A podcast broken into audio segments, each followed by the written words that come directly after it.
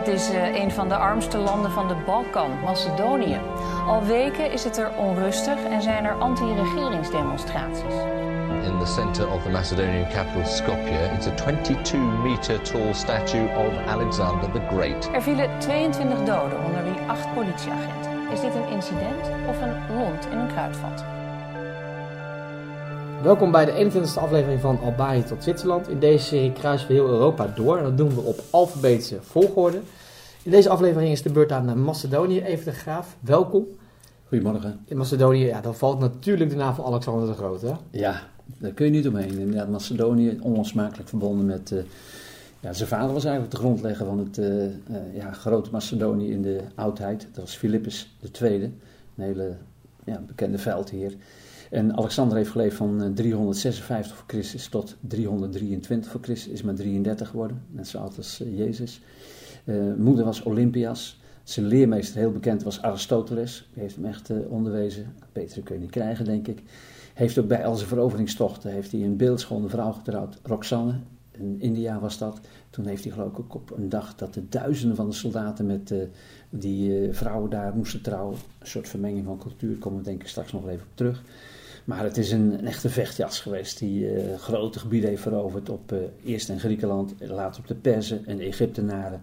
En uh, hij heeft een rijk gesticht tot aan, eigenlijk kun je zeggen van Griekenland tot aan de Indus, tot aan eigenlijk de Himalaya. In een ja. geweldig groot rijk. En misschien een leuke anekdote.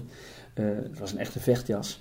hij heeft toen al als eerste een gebod opgelegd dat soldaten zich goed uh, moesten scheren, dat ze geen lange baard hadden, want in de vele man tegen man gevechten, dan uh, stonden ze tegen elkaar, grepen elkaar bij de baard en dan kon je nergens heen en dan kon je gauw afgemaakt worden. Dus dat scheren bijvoorbeeld, dat heeft hij ook gepromoot, dat de soldaten dat moesten doen.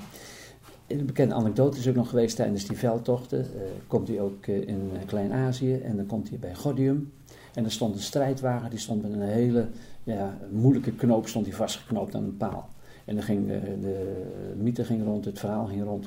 Degene die die ontwarbare knoop kon ontwarren, die zou een wereldrijk beheersen. Nou, velen hadden daar de handen enzovoort uh, ja, kapot aangetrokken enzovoort om voor elkaar te krijgen. Hij liet eromheen, trok zijn zwaard en hakte de knoop door. Dus de Gordiaanse knoop doorhakken. Tegenwoordig zeggen we een knoop doorhakken. Dat is inderdaad door hem uh, gebeurd. Stichter van vele steden, als je gaat kijken op de kaart ook van het gebied wat hij veroverd is, dan kom je vele keer ook plaatsen tegen met de naam Alexandrië. De meest bekende is natuurlijk de grote plaats in Egypte. Maar allemaal gesticht onder zijn, uh, ja, uh, in zijn tijd dat hij daar de baas uh, was in dat immens grote gebied. Ja, en zijn, zijn tocht kwam tot een einde omdat op een gegeven moment de soldaten zeiden, ja, nu is het klaar. Hè? Dat die zeiden van, ja, het is, nu ja, willen we niet meer. Ja, er was heimwee ook uh, naar huis. En uh, goed, bij een aantal die dan getrouwd waren onderweg met een aantal van die uh, lokale schoonheden, die, die vonden het wel goed. En dan krijg je ook die mix van de Griekse cultuur met de Oosterse cultuur. Dat heet dan het Hellenisme. Maar velen die wilden gewoon terug naar een stamland, die wilden terug naar Macedonië. En die vonden dat ze veel te lang van huis af waren. En uh, ja, bizar hoe ver uh, ze opgetrokken zijn. Dan had je nog van die stappentellers, echt van die mannen die ingehuurd waren om uit te rekenen hoe ver ze wel zich al verplaatst hadden. Nou, uh, bij velen zorgde dat voor trauma's van, nou, we komen nooit meer terug. En af en toe braken er ook zelfs in dat leger van hem opstanden uit, zelfs tot aan zijn lijfwacht toe, die af en toe dachten, nou, dit is te gek. Hij nam toen ook echt ja, mythische proporties aan en ging zich als de zoon van Zeus ging hij zich beschouwen. Dus wat dat betreft is ook door een beetje een implosie van binnenuit dat Rijk ook wel uh, uiteindelijk ten val gekomen. Ja, want snel eigenlijk... Uh, en vooral door zijn dood natuurlijk. Precies, want ja. daarna is het eigenlijk gelijk klaar. Hè? En wordt, wordt Macedonië een provincie in allerlei rijken. Romeinen, Bi Byzantijnse Rijk, Ottomanen. Ja, het, het, heeft wel iets van grandeur. Hè? Van, van, maar verloor dat het ook? Of, of bleef ja, het gewoon een provincie met een gouden randje? Je zegt het al terecht, dat immens grote rijk, dat werd uh, binnen de kortste keren werd het opgedeeld in uh, ja, de diadogenrijken worden ze genoemd. Dat was dan Griekenland, Hellas, waar ook Macedonië lag, Egypte, Perzië, waar uh, ook tegenwoordig het Turkse rijk in lag. En, maar ze hadden wel natuurlijk gekeken naar die ja, luxe levenswijze van Alexander. Dat vonden ze prachtig, die wilderige levensstijl. En dat is zich liet vergoddelijken, dat vonden vele vorsten natuurlijk ook een uh, prachtig iets. En dat is overgenomen door de Romeinen. Eh, met name Caesar had al die neigingen. Maar die werd dan door de senator werd die vermoord in 44 voor Christus. Maar een Augustus die neemt ook eigenlijk die goddelijke status aan. Afgekeken van, kun je rustig stellen, van Alexander de Groot. Maar het stamland, waar ze vandaan kwamen, dat was echt het moederland. dat werd toch nog wel altijd verheerlijkt. Want daar is eigenlijk het grote rijk geboren. Ja. Ehm, de Ottomanen, daar hebben we het al vaak over gehad, die, die zijn honderden jaren, honderden jaren de baas op de Balkan. Brokkelt af eind 19e eeuw. En dan breken er een aantal Balkanoorlogen uit. Wat was de rol van Macedonië in die oorlogen? Ja, Macedonië bestond toen natuurlijk niet. Dat was gewoon een onderdeel van Griekenland. En in die eerste Balkanoorlog van 1912 tot 1913 vocht Griekenland samen met Bulgarije, Servië, Montenegro en Roemenië tegen de gemeenschappelijke vijand, tegen Turkije. En eh, dat is toen een grote nederlaag geworden voor de, de Turken. Die hebben toen grote gebieden prijs moeten geven in Europa. Maar onderling was er gekrakeel van hoe gaan we de rijke buit verdelen. En degene die daar het uh, beste en het meeste van profiteerde was Bulgarije. En dat zette weer kwaad bloed bij de andere landen. En prompt, kort na de vrede die gesloten was, brak er weer een tweede Balkanoorlog uit. En dat is geweest in 1913 tussen de Grieken, waar ook weer de Macedoniërs bij hoorden. Ook Roemenië, Servië, Montenegro en, wat je helemaal niet zou verwachten, Turkije sluit zich ook aan en vochten toen tegen Bulgarije. En toen werd Bulgarije in de pan gehaakt, met hele grote nadelige gebiedsgevolgen voor de Bulgarije. En dan zie je dat uh, er toch uh, heel veel islamieten in die oorlog gedood worden op Europees grondgebied of verdreven worden naar Turkije. Dat er grote ontevredenheid heerst, ook na afloop van die Tweede Oorlog bij de Bulgaren, maar ook bij de Turken, die hun gebieden niet hebben teruggekregen. En eigenlijk ja, loopt het uit op de derde Balkanoorlog, maar die kennen wij beter onder de naam de Eerste Wereldoorlog. Want het begint ook allemaal weer in Sarajevo op 28 juni 1914. Dat die woede en die teleurstelling, die frustratie zich uiten. En dat men eigen natie wilde stichten, niet meer of onder de knoet van de Turk of onder de knoet van de Oostenrijkers wilde zorgen. Ja. En toen waren er nog wat andere grote landen die met elkaar in, in oorlog uh, gingen. En toen brak er dus na die wereldoorlog uit. Ja.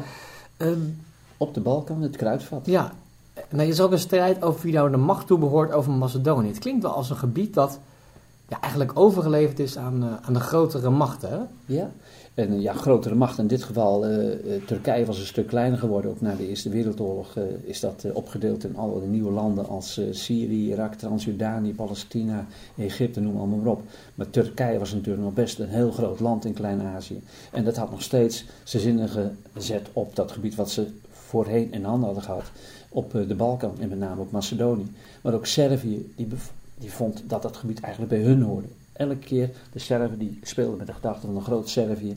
En ook natuurlijk Griekenland, die dacht het is uh, ons thuisland. Uh, wij hebben hier inderdaad ook eigenlijk het meeste recht van spreken op om dat ons toe te eigenen. Dus het was een speelbal ook nu weer tussen Griekenland, Servië en Turkije, die daar graag de macht wilden uitoefenen in dat gebied. Ja, en de Serviërs die hebben, die hebben, die hebben wel veel macht daar en die passen ook een beleid toe. Uh, ja, ik noem dat certificatie, uh, maar volgens mij is dat niet helemaal de juiste term.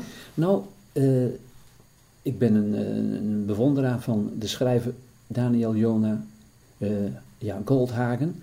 En die heeft, dat boek heb ik echt verslonden, Hitlers gewillige beulen. En zijn these is dat uh, heel Duitsland eigenlijk uh, nationaal-socialistisch was en antisemitisch was. En uh, daardoor kon Hitler heel makkelijk de macht grijpen. Een ander boek is Een morele afrekening. Daar schrijft hij in, over de rol van de Rooms-Katholieke Kerk in de Holocaust. Echt, dat sloeg in als een bom. Dat was echt een behoorlijke aanval op de katholieke kerk. En dan in het derde boek, wat ik heb, dat heet Erger dan oorlog. Daar komt die term als enige voor. Servificatie. En wat bedoelt dit mee? Is een hele negatieve notie heeft dat gekregen. Dat de Serven, dat zie je ook weer later terug in de jaren negentig, in die Balkanoorlogen, dat ze uh, vrouwen gaan verkrachten. Vrouwen van Turken, van Bulgaren, van Bosniërs. En dan zwanger maken. En ook zwangere vrouwen, die gaan ze op gruwelijke wijze gaan ze vermoorden. Het elimineren van tegenstanders, dat is echt de term servificatie. Een hele, ja, een hele nadelige notie, ook met name voor de Serven natuurlijk, eh, die hier eigenlijk uh, schuldig aan zijn. Ja, ik bedoelde eigenlijk de certificatie, in die zin de Russificatie, het, ja, het, het implementeren het van naar groot Serven, naar groot Servië, precies. Maar dat is dus duidelijk wat anders dan certificatie. Ja. Um, dan breekt de Tweede Wereldoorlog, we springen een beetje door de tijd, maar dan breekt de Tweede Wereldoorlog uit. Uh, Macedonië was denk ik nog steeds onderdeel van, nou ja, het wordt veroverd door de grotere landen. Of, of was het denk ik anders? Nee, Macedonië nog een keer. Toen uh, was het wel weer grotendeels uh, van uh, de Grieken. En je hebt dan in de Eerste Wereldoorlog heb je natuurlijk de geallieerden. Engeland en ook Rusland komt er in 1941 bij. Amerika komt er in 1941 bij. Frankrijk was eigenlijk grotendeels verslagen. Maar dat zijn dan de geallieerden. Die vechten dan tegen de asmogendheden. de as, Rome en Berlijn. Nazi-Duitsland en de fascisten van Mussolini in Italië. Maar ook Bulgarije sluit zich aan. Roemenië en Hongarije. En er wordt er gevochten. En dan zie je dat met name Mussolini, die probeert dan ook uh, zijn Mare Nostrum politiek uit te voeren. Die wil de Middellandse Zee beheersen. Die doet een aanval op Albanië, dat lukt nog wel. Maar dan wil hij ook nog Griekenland binnenvallen en dat lukt niet. En dan doet hij een beroep op uh, grote broer uh, Hitler. En die, uh, ja, die komt dan de helpende hand bieden. En dan zie je dat inderdaad dat gebied ook uh, uh, operationeel gebied wordt voor de nazi's. En dat heet dan Unternemen Marita. Dat vindt plaats op 6 april 1941. Daar komen ze binnenvallen. En er is toen inderdaad hartstikke hard gevochten in de Griekse bergen. Er was verzet ook tegen de Duitsers. Met name van communisten en nationalisten die daar guerrilla-acties gingen ontketenen. En dat is een, een gebied geweest waar van alles gebeurde. De periode van april 41 tot oktober 44, dat is een, een ja, hele heftige periode geweest in de Griekse geschiedenis. Uh, aan het eind van de, eerste, van de Tweede Wereldoorlog komt uh, in Joegoslavië komt Tito aan de macht, de partizaan. Nou, daar hebben we al uitgebreid over gehad. Hè. Com ja. uh, hij is communist, Joegoslavië wordt ook communistisch. Ehm, Macedonië valt onder Tito, komt, wordt onderdeel van Joegoslavië. Maar het krijgt wel een bepaalde eigen status. Hè? Ja, dat is inderdaad opmerkelijk. Je ziet dat uh, in het begin van het ontstaan van Joegoslavië. Joegoslavië betekent letterlijk Zuid-Slavië. en dan weten de, met name de partizanen zich grotendeels zelf vrij te vechten. Er komen nog wat, geloof ik, Russen aan te pas, ook als Belgrado bevrijd wordt. Maar dan grijpt Tito de macht en dan gaat hij denken aan een eigen zelfstandige republiek. En heeft hij toch gezegd, jullie in in Vardar, dat is dan eigenlijk de oorspronkelijke naam ook geloof ik van uh, Macedonië. Jullie mogen dan toch een so soort autonome positie innemen in uh, het nieuw te stichten Joegoslavië. En dat moest dan natuurlijk een communistische republiek worden. Hè? Ja. En dat was de People's Republic of Macedonië. Dat was dan de benaming ook uh, die ze kregen. de Volksrepubliek van Macedonië schijnt tot ongeveer 63 geduurd te hebben. Toen heeft hij toch wel ingezien van... ik moet al die nationalistische uitingen de kop indrukken. Want ook in Macedonië hoorde hij toen al van... ja, horen we eigenlijk wel bij dit rijk van Tito. Met name waar de Serven een hele grote invloed hadden. En dat zijn ook eigenlijk hun ja, aardsvijanden. Ja, en, toch heeft Tito wel nog, bijvoorbeeld Kroatië en Servië was natuurlijk van het begin af aan, duidelijk dat daar heel veel nationalistisch gedachtegoed was. Bij Macedonië was dat veel minder. Hè? Was, was een beetje van, nou ja, worden we iets nationalistischer. Misschien ook wel als tegenwicht in, in Joegoslavië. Ja, want hij vond uh, Tito ook al, uh, uh, zorg voor eenheid had hij zichzelf voorgenomen, maar houdt met name ook Servië klein. Dat is ook letterlijk een uitspraak van hem. Hij vond gewoon dat toch Serven elke keer weer allerlei aspiraties hadden. En uh, hij wilde best wel dat ook uh, andere republieken daar tegengas tegen konden bieden. Met name ook Macedonië. Dat was eigenlijk ja, meer een landstreek dan dat het echt een, uh, een gebied omlijnd is met grenzen waar een bepaald volk woonde. hij vond dat hij te weinig van zich lieten horen. En die Macedoniërs die mochten wel wat inderdaad ja, op hun borst trommelen van wij zijn er ook nog dat heeft hij deels eigenlijk een beetje onbegrijpelijk ook gestimuleerd. Ja. Want hij wilde, wat ik al eerder zei, juist een einde maken aan het nationalisme. Want hij voel, voelde als geen ander, geef ik dat de vrije hand, dan valt dat uh, land vroeger of later uit elkaar. Dat heeft ja. hij gewoon voelen aankomen. En dan heb je natuurlijk wel een geschiedenis met Alexander de Grote waar je trots op kan zijn. Dat is wel belangrijk. Ja, hè? Dat je toch een, soort van iets hebt waar je van nou, nationale trots die, die je in, uh, op, het, uh, op een sokkel kan zetten. Um, die Macedonische identiteit, dat vond Tito prima, dus die stimuleerde dat. Maar in Bulgarije en Griekenland werd dat niet gewaardeerd. Hè? Waarom niet eigenlijk? Nee, nog een keer, wat ik al eerder zei. Al die landen, Turkije noemde ik ook, maar Griekenland en, Bulga en Bulgarije, die hadden allemaal ja, ideeën om zich te verrijken, te vergroten. En in dit geval ook natuurlijk ten koste van Macedonië. Dus als de Macedonisch een eigen staat gingen stichten, dan zou dat altijd betekenen dat er weer natuurlijk uh, misschien mensen uit hun uh, land daar naartoe zouden gaan, die zich ook Macedoniër voelden. En dat ging ten koste van hun eigen aspiraties. Dus dat wilden ze gewoon niet. Dat was gewoon jaloezie. Ja, En, en Griekenland zag het, zich... Ja, ook nog een keer Griekenland. Die vond dat een onderdeel, hè? Die dacht, Precies, nou, on- het hoort bij ons ja. land en niet bij eh, Bulgarije. Precies. Het moet ook niet zelfstandig zijn. Het hoort bij ons. Ja, en dat wordt eigenlijk wel, wel redelijk duidelijk als Joegoslavië ten einde komt, want dan wordt Macedonië onafhankelijk. Ehm, maar er is er alleen al, de naam is al een probleem volgens mij. Ja, de naam is zeker een probleem, eh, want eh, de Grieken zeggen terecht, kom op, eh, wij hebben een gebied, provincie ook geloof ik, die Macedonië heette. We kunnen toch niet hebben dat er nog een eh, land naast komt te liggen dat ook diezelfde naam gaat voeren. Dat sticht alleen maar verwarring. En bovendien eh ze hadden ook nog eens een keertje een eh, vlag hadden ze ontwikkeld, die eh, Macedoniërs. Dat was een eh, Grieks symbool, een zon met, eh, ik meen, twaalf stralen. En dat eh kon totaal niet, dat was eh, leentje buurplegen en dat was eh, eigenlijk plagiaat. En vandaar dat er heel veel verzet ontstond toen in Griekenland tegen wat daar allemaal gebeurde in die nieuwe staat Macedonië. En eh, ze hebben toen ook internationaal hebben ze zitten lobbyen van eh, erken deze staat niet. En zelfs Nederland heeft een hele lange tijd het nieuwe land niet erkend. Omdat Ja. er problemen waren met eigenlijk het moederland, met Griekenland. En eh, uiteindelijk is toch eh, ja, eh, er een soort draai aangegeven dat die nieuwe staat de naam kreeg voormalig Joegoslavische Republiek Macedonië. Nou, dat is een mond vol met Scrabble scoort het goed natuurlijk, dat Ja. je veel punten krijgt. Maar ik denk dat niet- dekt niet. Nee, en, er is niemand die dat gebruikt nee, als en ik zeg, niemand ik- gebruikt het. Ik Het ga op vakantie naar de voormalige Republiek van Joegoslavië. ja, precies. Toch? Nee, dat doet Nee. niemand. Dus wat dat betreft is het gewoon toch uiteindelijk Macedonië geworden. Ja, eh, maar, maar officieel heet het nog steeds voormalige Republiek, toch? Of, Ja, ja, ik Ja. denk het wel. Ja. Ehm, in de jaren daarna groeit wel de spanning in het land tussen de Albanese en de Macedoniërs. Ehm, het land belandt op de rand van een burgeroorlog. Waar ging dat precies om? Nou, en ik las eh, net deze week nog weer eh, in, in een krantartikel in de Volkskrant dat het echt weer spanning opleverde tussen met name natuurlijk de Macedoniërs en een hele grote minderheid. Ik meen dat er wel eh, 35% van die mensen daar leeft, dat zijn Albanese. En die Albanese voelden zich weer gediscrimineerd en achtergesteld. En die eisen ook dat ze recht hebben op hun eigen taalonderwijs en al dat soort dingen. Een eigen universiteit volgens mij. Eigen universiteit willen ze hebben. Ze willen inderdaad eh, beter onderwijs en ze willen een einde maken aan de economische achterstelling. En dat is elke keer weer, ja, een, minderheid voelt zich eh, gediscrimineerd en komt dan een opstand. Heeft zelfs tot rellen geleid, ook nog tot eh, kort geleden in het eh, parlement. En dat onderhuids dan broeit dat elke keer weer die tegenstellingen. Nou, de Macedoniërs, eh, die willen graag natuurlijk met de hoofdstad Skopje, om dat nog even te vermelden, dat er inderdaad aan de Albanese totaal geen zelfbeschikkingsrecht wordt gegeven. Dus die tegenstelling tussen met name Macedoniërs en Albanese, dat overheerst tot aan de dag van vandaag hè, de politieke toestand in Ja. Macedonië. En dat escaleerde op het moment waar we het net over hadden, eh, bijna in een, eh, in een burgeroorlog. Eh, hoe werd dat toen opgelost? Eh, ja, eigenlijk op een sussende wijze. En ik meen ook dat de NAVO daar nog troepen heeft eh, naartoe gestuurd om daar controle te houden. Een vredesmissie die er is geweest rond 2001, 2002. 3500 soldaten uit 15 landen zijn toen daar naartoe gegaan. En eh, ik moet eerlijk zeggen, de Macedoniërs die wilden het eh, goede voorbeeld geven. En die hebben toen vrijwillig ook bij de NAVO-troepen hebben ze hun wapens ingeleverd. In de hoop natuurlijk dat de Albanese dat ook zouden doen. Maar eh, die hadden ja, grote achterdocht en die vertrouwden het allemaal niet. En dat, eh, dat, dat loopt nog steeds niet goed. En ik eh, heb eh, krantenberichten gelezen dat er nog steeds eigenlijk verzetshaarden zijn van Albanese.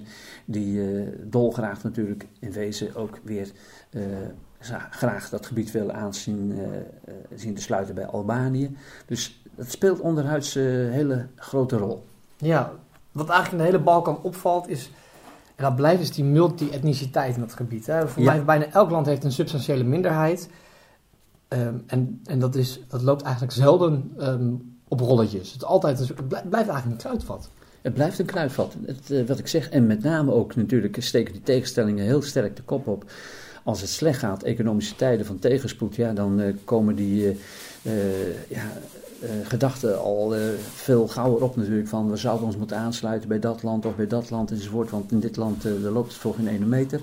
En eh, dat blijft daar een eh, broeinest van tegenstelling. En met name, je hoort het nu ook weer met Griekenland. En het heeft ook zijn weerslag op, eh, op Macedonië. Het gaat gewoon slecht economisch gezien.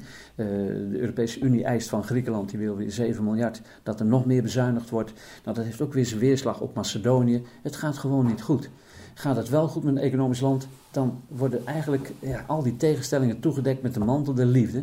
Maar er is op dit moment in 2017 totaal geen sprake van. Nee, en dan is ook nog de vluchtelingencrisis, dus, dus genoeg spanningen op een... Uh... En wat denk je dan van de rol ook nog op de achtergrond van en Erdogan en Poetin?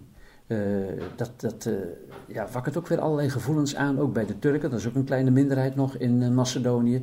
Die dan ook graag weer eigenlijk onder de grote sterke man Erdogan willen leven en wonen. Dat ze dan meer, want Macedonië dat heeft natuurlijk de Grieks-orthodoxe godsdienst, godsdienst en is niet een islamitische staat. Dus wat dat betreft... Zo, en de Albanese wel is het niet... En de Albanese en de Turken die hebben dat weer wel natuurlijk. Ook die tegenstellingen spelen dan Ja. weer natuurlijk op. Dat is echt een